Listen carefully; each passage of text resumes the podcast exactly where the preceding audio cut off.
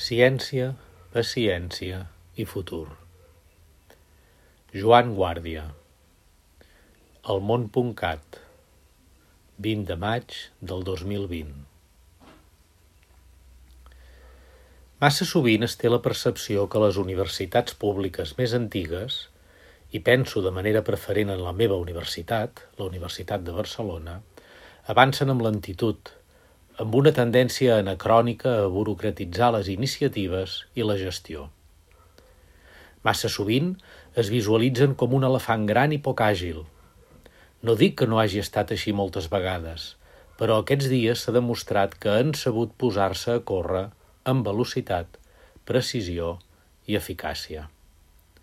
Hem de recordar que els elefants són animals molt poderosos, potents, intel·ligents, amb molta memòria i, sobretot, que tenen cura de les seves manades i cries d'una forma obsessiva.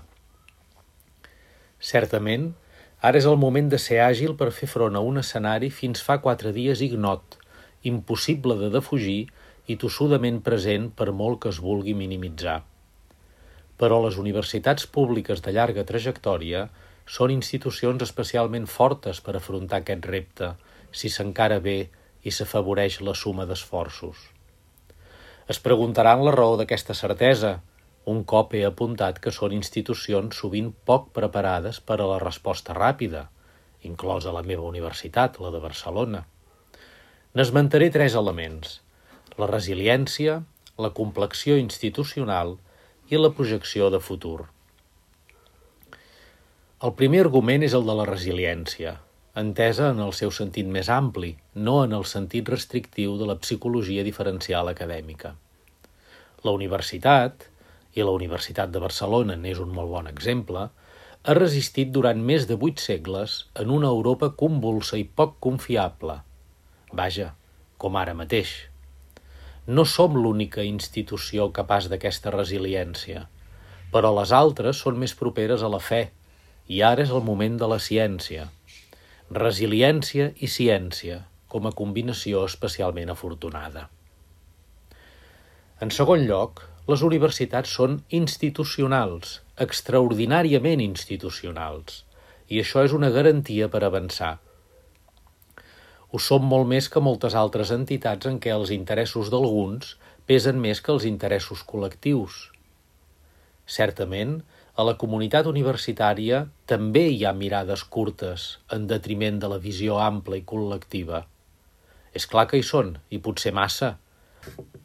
Però quan cal posar en valor la transcendència d'allò que fem, i inclús quan exercim la crítica ferma, tothom assumeix un paper que posa la salvaguarda institucional per sobre de tot. Forma part de l'ADN de l'acadèmia, tant del professorat com del personal d'administració i serveis i dels estudiants. Fins i tot, som capaços de donar suport a iniciatives internes que no veiem clares, amb l'objectiu de no desestabilitzar. En moments complicats, posem per davant la gestió tranquil·la, i no tant, en comptes del debat aferrissat. A la universitat, la responsabilitat institucional i col·lectiva és intocable i el valor d'aquest interès col·lectiu és i serà fonamental com a factor de transformació de futur. Això no vol dir combregar amb rodes de molí. És tan important remar en la mateixa direcció com promoure l'autocrítica i el debat intern, però tot en el moment que calgui, mai a destemps. El tercer argument és que, per definició, les universitats són eines de futur i mantenen sempre la confiança de la ciutadania, com reiteren les dades del Centre d'Estudis d'Opinió. N'hi ha prou a dia d'avui de veure l'esforç sobrevingut en un temps rècord per oferir la millor docència en el nou escenari. N'hi ha prou d'esmentar l'impressionant funcionament i desplegament de les facultats i els centres de recerca. Tot i que poden ser a vegades un xic lentes, no podem deixar de reconèixer la participació i el compromís de tota la comunitat universitària. Segur que perdre aquest estereotip d'institució lenta és un repte i un objectiu específic de les universitats en el futur proper.